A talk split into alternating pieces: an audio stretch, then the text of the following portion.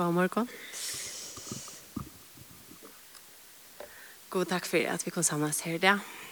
Takk for at du er styr. Det er jo du lover.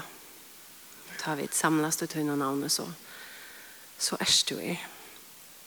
Vi er alle tøy som to er tøyne styrke, tøyne dørd, tøyne bostad, tøyne heiligleika.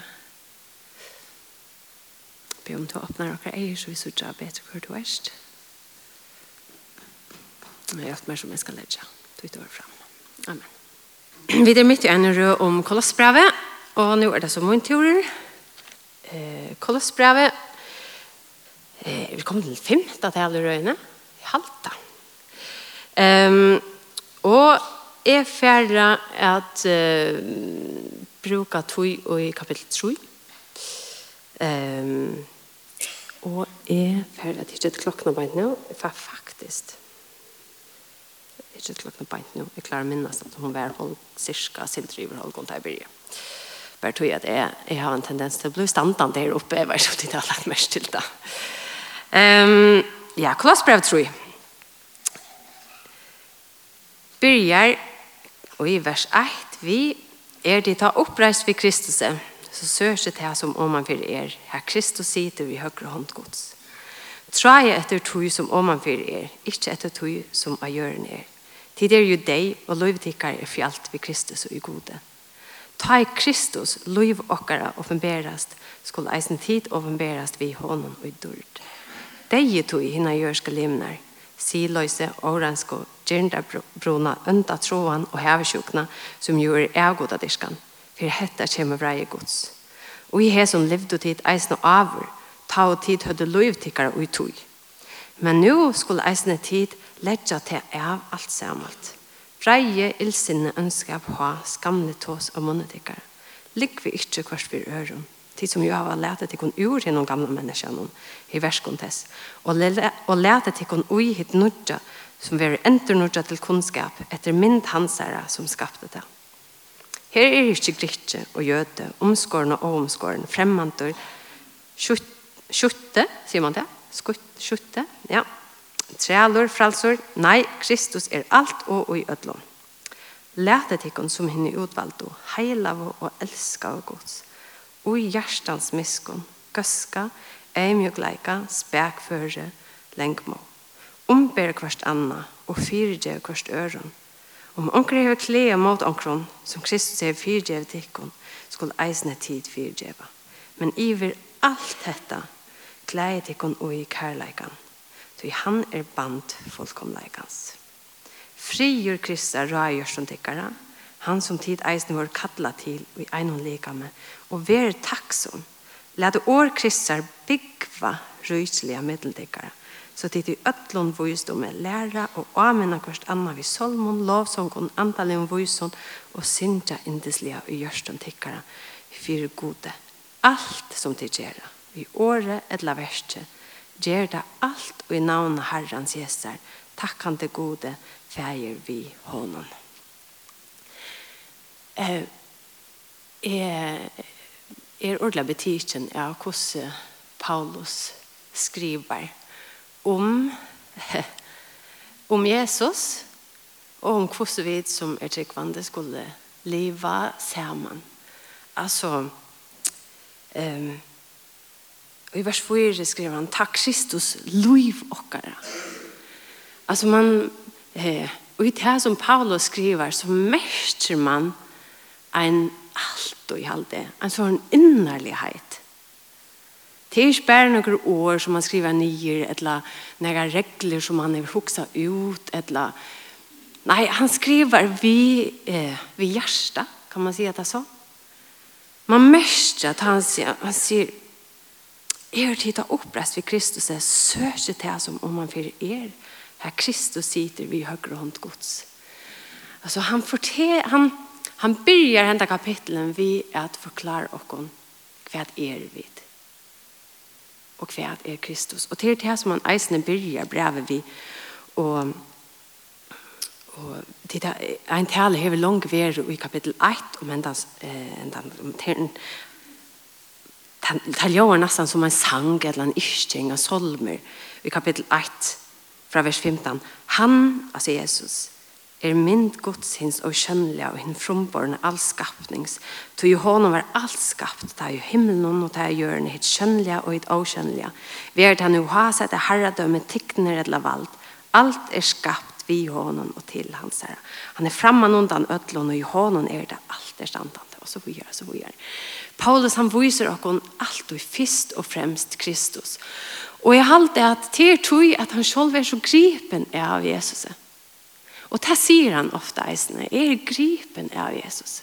Och vi känner hans här söve. Att han var ugen for god. Han er akkurat som han visste allt. Han kände skrifterna ut och in. Och han var ivrig och han var brännande. Og han får etter dem og tryggvande, tog han ville ikke at han da vidlæreren skulle spjære seg mittelen jødene. Han ville ikke at han da er falslæreren Jesus som påstod og at han var Messias, skulle leve noe å si. Og han var deier, nå skulle ikke hans etterfylgjere spjære hette ut som om verda sannleika. Og han var ugen. Og han får etter menn og kvinner å sette i fangsel. Men hva henter av vel Damaskus? Han møter Jesus. Han vil slien til gjerrar. Og han sier, hva er du? Han sier, jeg er Jesus, han som du forfylter. Og så igjen ta er det bare en så stor brøyting i Paulus her liv. Han er en ugen, og han er en, han er en Paulus, altså Saul, Saul men han brøytes på en så grunnleggende måte at han kallas nu Paulus. Og han brenner for Jesus. Og han er gripen av Jesus. Og han brenner for at ød skal slippe sorte hva Jesus er. Og kommer og kjenne han så lenge som han kjenner Jesus. Og til leser man og gjør. Og så sier han tog beint fram han undan så hever han sjelda folk ut som ledja band av folk. Altså det sier at nu du måste göra så, du måste göra så, du måste hålla hesa lån och du ska göra så. Det hade inte liv, säger han. Det är, det är så läst er av ett tryggvante. Allika väl kommer han nu vi nok så grej på om hur vi skulle leva. Hur så ber det till? Er det inte en ärtsökt? Att han först eh, att han först i kapitel 2 och, och allt det här så, så, gonger, så säger han alltså, det skulle ikke lusta etter det som så geva till om manna på. Han sier, alt det er utstrykka. Han utstrykka skuldabrev mot dere. Og let onkan døma til konfirmat for mæt eller drekka eller vi vissande høgt til solkomme eller sabbat. Hette er jo skudget til å komme skulde. Så først så sier han de skulle ikke lust etter deg som djeva til kom menneska på. Så kommer han vi her 3 vers 8. Nu skulle tid lägga till er allt samalt. Reie ilsine ønsker på oss kan bli tås av munntikkere. Ligg vi ikke. Men kvui kvui kan han allikevel si at det. Han forklarer det i dette verset. Tid som jo har lært til kun ur i hinnom gamla menneskene vi verskene tess. Kvoi er det vi kunne leva ørvise? Det er tog alt er blevet nøyt. Det henger sammen vi hentan her stora søvan som er at god skapar nega nøyt. Han ger nega nøyt. Ta Jesus kom, så sier han, vende vi, tu rujtje gods er nær. Skjønner Røyke gods er noen. Og jeg har, jeg har sagt det før, men før jeg skal si det nå. Og til er hadde jeg vi til som Oi, ble det veldig hardt. Årsaker. Um, hvis vi tar etens hav her ivre, her som god og menneske, himmel og gjør hver eit, Ok, det var her. Så er sintafattelig. Her som menneskene fettler og sier vid vil jeg selv bestemme hva er rett og hva er skevt. Vid vil jeg være god. Vi trykker ikke langer på at Gud vil åkken det beste, og tog er hans vilje for okkara liv. Det som er godt, vi vil selv avgjøre hva det er best for okkon. Sinten kom inn, og vi sier her fra Hentastrikan, og i vil her så er det togene. Okay? Vi lever i synd. Vi er nere i synd, til nekv ønt som henta, desskreftene er herja, sjuke, alt mulig. Tid videre det vel. Men mitt ui er det her, henta togen, så henter noe helt særlig. Og det er at en tannaringsjenta blir på veien, utan å være sammen med en mann, tog hele i anden virker fram av baden i hennes liv, som ikke bare er en menneske, men som er god. Himmel og gjør møtast og god blir menneske. Og Jesus sier, Guds rydtje er nær. Men Guds rydtje, hva er det? Det er her som God bestemmer, her som han ræver. Det vil si, det er evenleisen. Det er her som God er, det som vi kallar himmelen. Det er det som er Guds rydtje. Liva vi du himmelen nå? Nei, det gjør vi ikke. Vi lever ikke i himmelen nå. Men det som Bibelen lærer oss, det er at vi Jesus så kommer Guds røyke og gryper inn og i henda tøyen som er mest av nei og elendighet og synd og himmelen kommer og gryper inn i det. Og vi lever i en tøy her som er sinte løyen tøy at altså hvis vi sier at her er en tøy som er eh, ja, hendan her tøyen vi synd og deg og alt det der, elendighet. Så var det ikke godt eisen tøy god, det er skapte godt. Ikke det.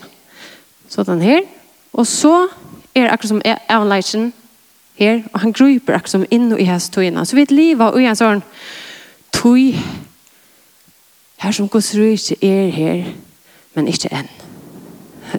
Det er her, men ikke enn. Og det gode er, at det er her. Og til tog Paulus kan si at vi er en nødvendig skapninger.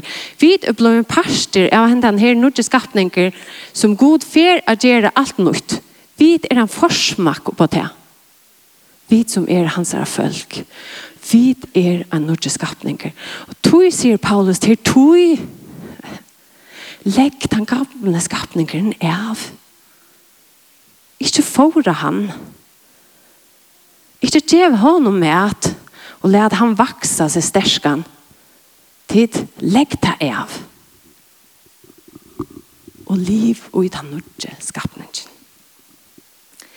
Og det sier en vers tudje, let et hikken og i et nordje som vil endre nordje til kunnskap etter mynd hansere som skapte det. Åh, elsker deg, Paulus tåser om Jesus. Og i Sätna Korintbrev så sier han at vi blir vi hittar anlit til anlit. Åttan at anlit må vara Ta, Han har tagit som Moses som ikke kunne hitta av god og som måtte fjalla sitt anlit at han har vært sammen med god. Han sier vi kunne, vi kunne hitta at dörd gods åttan av fjalla anlit Og vi bliva brøtt til den samme, til den samme mynden. Så som vi sutja Jesus og er skjermen vi honom og lovsitja han, tilbe han, bya til hans herre og er skjermen vi honom og i hans stein. Hva så? Så ble vi brøyt til den samme mynden. Ja, og så sier han, og ui, hentan her, hetta her nudge rujt hentan nudge skapningen, så er det ikke gritje og jøde, omskåren og omskåren, fremmande, skjutte, trele, fralser. Nei, Kristus, Kristus er alt og i ødlån. Så at det henter nækka ui at her nødje rujtje som Jesus kom vi, som gjør at alt det som vidletja vent og av status og eh, etnisitet og alt det her, det vi utstrika. Han sier til det eit folk. Det er ikke måneder middelen til henne. Det er ein og kvann skapt i min og i mynd gods, og for honom. Er det lykka mykje hver tid koma fra, hver status tid hava, eller hver etnisitet, eller til lykka mykje. Her er ikkje god til ikkje måner. Sier tid er han nødvendig skattninger. Og så sier han hver fyrstan, Iver alt dette klæje til kun ui kærleikan, tog han er band fullkomleikans. Det er fantastisk? Kærleikan er band fullkomleikans. Og her halte man nørste vi nega av tjattnen og i båskapen av Paulus som heilt. Han kommer alltid atter til det. Kærleik, kærleiken. Til det som er moneren. Hvor er det Jesus støy for okken? Til god elsker okken. Hvor er det vi kunne elska god? Til han elsker okken først. Hvor er det vi skulle skulle gjøre det som god avlegger oss, tog vi elsker han. Skilja det? Det er kærleiken som gjør den store månen. Det er Guds kærleika til oss, og til okkara kærleika til han. Og Og så kommer vi fra det som jeg har lyset nå, til et brått um, som handlar om knappliga om hur man lever som familje, alltså i stor familjen och i den romerska samhället. Så som man har kvärt, det är det här knappliga mitt och ödlån här. Hvor skal nu knappliga snacka om hur män och kvinnor skulle vara samman och uh, föräldrar och böten och slavar och kvärt, kvärt, kvärt hur det här vi särskilt att göra. Men det er tog at det som man tar seg om nå, beit æren, som handler om at God har skapt alt nytt. Vi er en nytt skapninger. Vi er et nytt folk. Det er sast atter og så hørt la praktisk som gjerand steg. Hvordan vi er sammen som familie, hvordan våre relasjoner er, det er mest av at vi er et nytt folk. Vi lever ikke bare som ødel hinne. Vi er nødt folk. Så vi tar lese i det. Tid koner. Vær mannen tikkere undergivner som sømer seg og i herren. Tid menn. Elsker koner tikkere og vær ikke barster der. Tid bøten. Akte foreldre tikkere i ødelen til ta loikere herren. Tid fedrar. Edge ikke bøten tikkere til vreie så til missa måte. Tid træler, aktu i ötlun herrartikkare etter holdnån. Ikke vi egna tænast som teg og vilja være mennesken til vildar, men og i einfalde hjertan så i øtta herrans. Hver tid så gjerra, gjer det ikke hjärsta som fyrir herran, nei, gjer det ikke, å, eina for rett. Hver tid så gjerra, gjer det av hjärsta som fyrir herran, og ikke fyrir menneskjen. Tid vita jo, at tid fra herranon skulle få arven og løn, det er herranon Kristus til tæna. Tui tann og gjør året skal få atter åretten, og han gjør det, og ikke vil gjør det mannamoner. Tid herrar, ger mot det tjælen tekkara til som ratt og hamplet er. Tid vita jo at eisne tid hava herra og i himle. Jeg er at argumentere her for at det som Paulus gjør, og som han gjør hver for han tåsar om familier, det er at han røyner å verja det veike og edja det største til å gjeva seg selv. Så han lytter opp de som er veik og han sier vi de som er størsk gjeva det kun selv. Ok? Titt koner veru manntikar undgivnar som sømer seg i herran. Det var krev i romerska familjen at konen var undergiven mannen. Det var ikke, ikke som det var ikke spørninger om du var undergivende eller ikke. Det skulle du være. Vær manntekere undergivende. Så legger han av treet som sømer seg og i herrene. Og det som er alltid er øyelig viktig at vi skiljer, at vi leser Paulus og de brøvene som han skriver til leser samkomne, det er at Paulus han skriver til noen folk som lever i en, en tog her som det er nek ønskap. Altså det er ikke god familieforhold. Alt og rundt om det. Eh, til reala størst sosialt hierarki. Det vil si at den fruje mæveren er hakst, den fruje kvinnan er to hagre enn de som er trealer. Men hon er reala nek lagre enn den fruje mæveren. Og i en familie er det, at han, er det maveren som hever alt valget. Altså, i vil lov deg og i den familien. I vil kone sønne, bøtten sønne, trealer sønne. Så er det eisende moner av om du lever i en by som er størst grisk, eller du lever i en by som er mer romversk. Tui er at fra grikkene var det en strengere. Romverske kvinner har sinte mer frihet enn de som var grisk. Faktisk så eh tar man ser eh synter äldre materiale tjackrickan så latligt är att det är persarna eh persarna alltså drottning Ester eh tärsövarna eh kung Xerxes och allt det där persarna vill latelig just tog att kvinnan he ehm vir hon fick barselsfarløyve och barselpengar och hon kunde köpa och sälja och hon kunde ei åken og forskjellig ut perska og ikke. Det er griska ikke. Og det var det var latelig gjørst om man sier at det er tog av perser og ikke det fettler tog at kvinnan hon har for størst plås og det er halde at hon er en menneske men vi vet at hon er ikke en gang et menneske så hatt er eh, den griske kulturen er vi at akkurat som eh, fettla inn utan romverske kulturen men det er altså en kultur her som Kvinner, bøtten, slavar, tyrskåkår.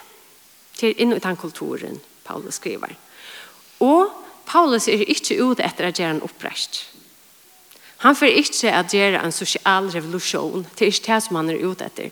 Hans misjon det er at folk skulle sørge for Jesus er, og at vi skulle leve som et nytt folk, og at det skal ta for andre hjemme.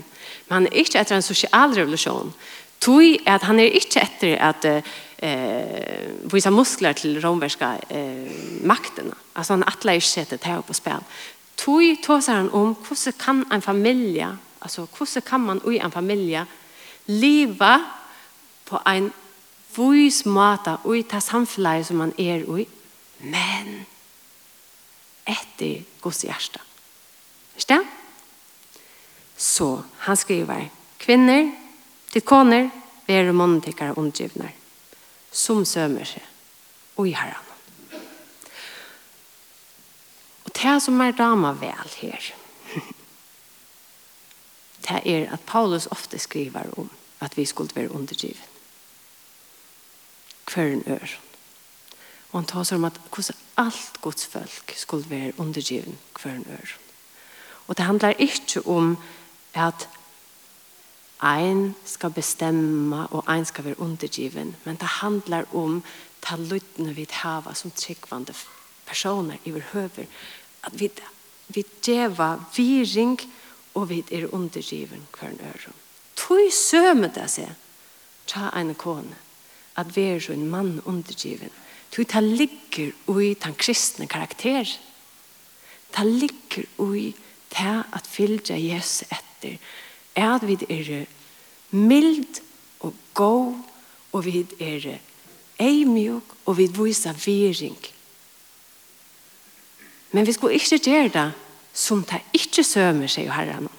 Til det, ofte er disse undergivende versene, det er brukt for at kvinner bare skulle tia og enta, og i forhold til her som det er bare psykisk uh, misbruk og maktmisbruk, så sier man, ja, man, man skal være som en mann undergiven.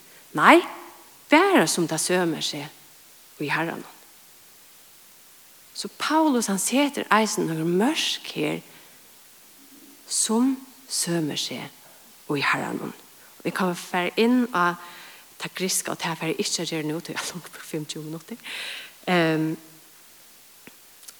ta griska året aneko som høskar og den preposisjonen som er brukt åren her som man ser er at Ui herren det er brukar Paulus ofta om vi som er tryggvande, vi som kjenner Jesus.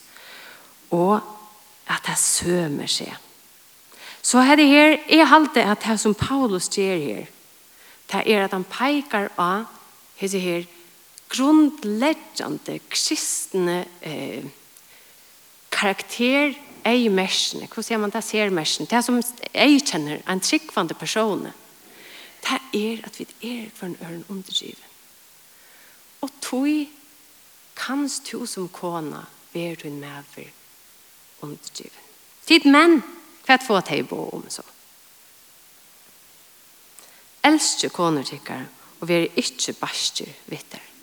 Det fascinerande er at hverja fer Paulus skriver om forholdet mellom menn og kvinner, forholdet mellom koner og Men så sier han ångantui, faktisk ångantui, sier han at menn er de som skulle leia, eller at menn skulle bestemma, eller at menn skulle ta avgjør. Han sier da aldri. Det er kun færre leita, men han sier det aldri. Ikke eina fyr, sier Paulus det. Det som han sier, kvørja fyr, og, og flere fer og i somme eh, brått det er tid menn elskje koner tikkere elskje koner tikkere og det år som man brukar her det er agape. Hva er det vi slår kærleika er det det er en kærleika som djever seg sjolva det er en åtreida kærleika som djever seg selv. Til hva er det til han, til den kærleiken som vi får fra god. Hva er god, det er han som gav og som sendte sin son for åkken å djeva seg selv. Og her venter han faktisk, bare vi hese små setningar, så venter Paulus alt på høttet. Og han sier, det som han har sagt her fra man undan, tid vi er et nytt folk Det handlar ikke om at hierarki her. Det handlar om einleika. Og nekk det sier jeg, Paulus han er mest av sine tog, og så omskilder man at han tog seg om undergiven, og man, tog, og man omskilder at han tog seg om familjetalversort. Men nei, er Paulus veri av sine tog, så er det veri noe helt annet som står her. Han er slett ikke tog om kærleika. Tog at vi romversk materiale, tar man tog om tjonaband, Ant om kærleika, helter nästan onkan tog och jødisk material som är skriva om tjonabandet. Alltså till Karlaga är inte nämnt. Paulus brukar det kvölja för. Alltså han ser tjonabandet som näka nekv meira än bära till att vara en eh, social konstruktion här som till er att hierarki och samfund, samfundet fungerar. Nej. Han säger till kärleken i mitt äpplen här. Han säger else koner tikkere.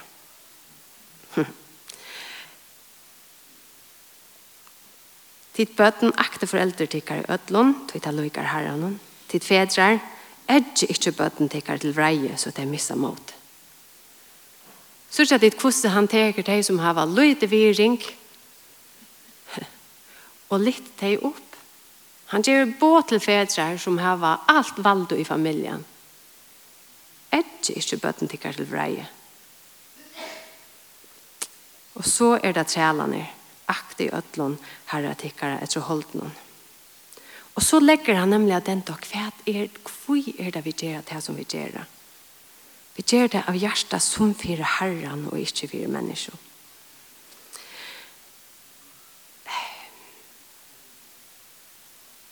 halte nesten at vi må lese hustalvan som er i Efsos brev eisne. Så han hev, Paulus skriver eisen. Og vi, man kan, jeg, har, jeg vet ikke ordentlig om det er først år, eller jeg bare finner på det, men annars kan jeg en hustavle. Så jeg sier det bare først år, en hustavle. Um, det er sånn her eh, brått om hvordan familier skulle leve sammen.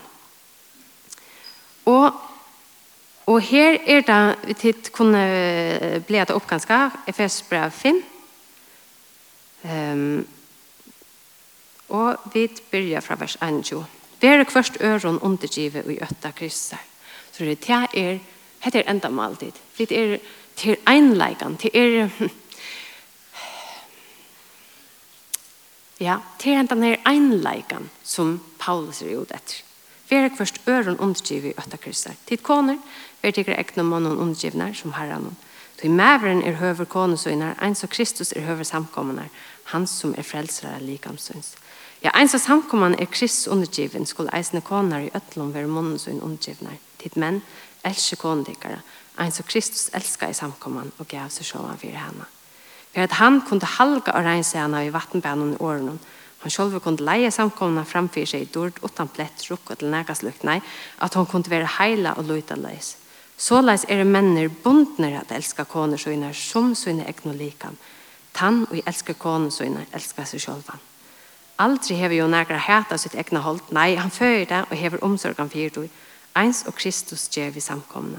Du vid er limer likams hans herre. Tui skal maveren færa fra fægir og mover og halda seg til konesøyna, og tei bæge skulle være eit hold. Hette løgndamålet størst. Til Kristus og samkomna er også om vi hesum. To skal eisne ein og kvartikkara elske konesøyna som seg sjolvan, og kona skal vise mannen viring. Altså, tar man, tar man ser hvordan Paulus tåser om menn og kvinner, og hvordan vi eisene og i ære tekster ser, altså, så er det denne her einleggende tåser om eh, høtte og likame. Og han sier at eh, nu, han brukar en mynd det.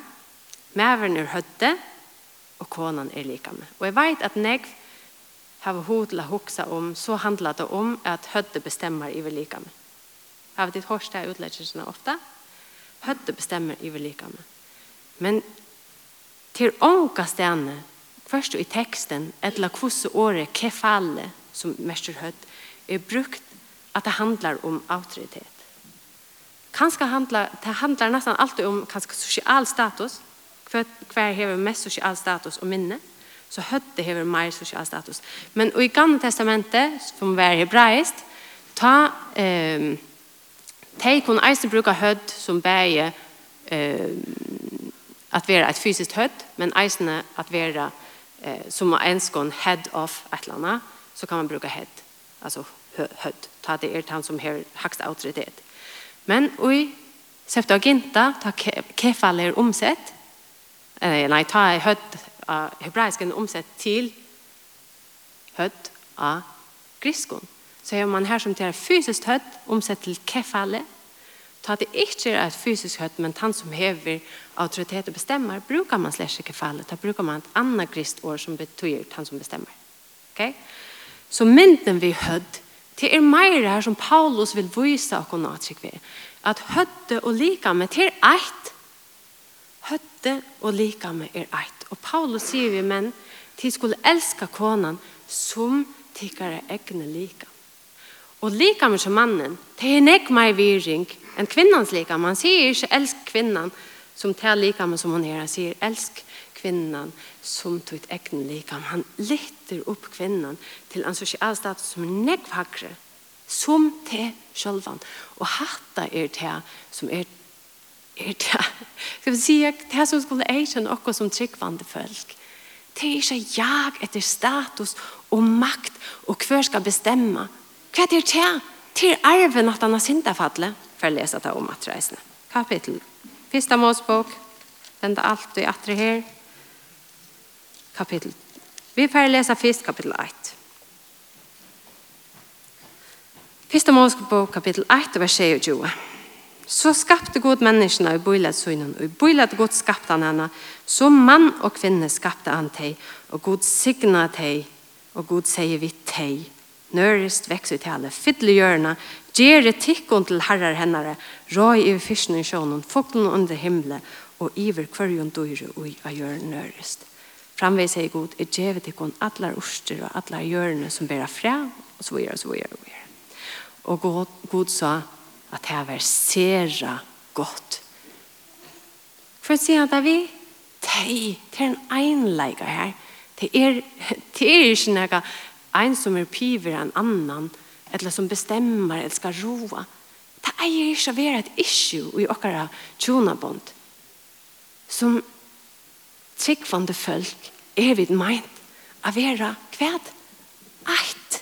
Jesus pekar eisen av at han tås om tjonabond. Han sier, tog skal mever, for fra med fer og morsen, og de skulle være kvæd. Eit. De skulle være kvæd Og her halt nemlig til Paulus, han er som produkt av sin tog. Han er lengt framan for sin tog, han er lengt framan for okkara tog. Tog kvæt, kampen mellom kynene, skulle se ekkeveslet er det ikke eisne nu. Og jeg vant at bare tog jeg det tog som er det her. Så er det folk som vil halda, ja, nu får hun være en sånn reisokka, eller feminist, eller et eller annet. Hæ? Nei, hva er skvæt? Det som jeg vil ta seg om til kvørste at mannen skal sitte av en tron og bestemme, eller at kvinnan skal sitte av en tron og bestemme. Nei, vi har sett at tjene god sammen. Vi har sett at tjene god sammen. Nå skal jeg lese den forbannelse som kom i vi mennesker, som vi lever under enn og i det. Etter at han har syndet fattelig.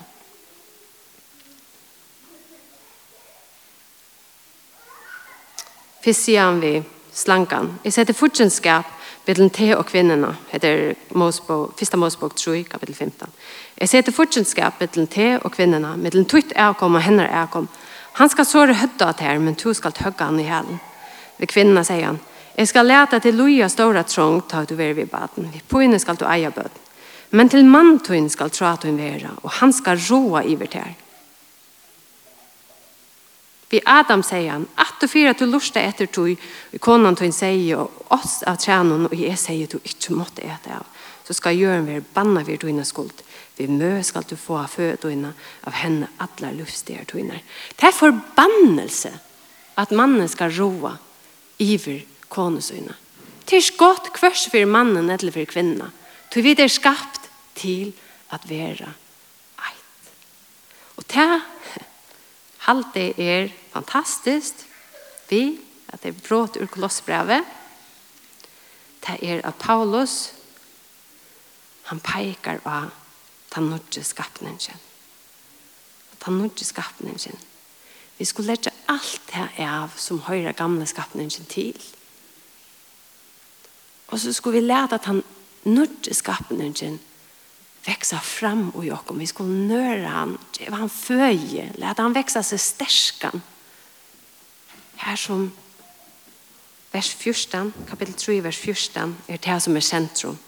Kläje till kon oj kärlekan ty han är band fullkomlikans tack för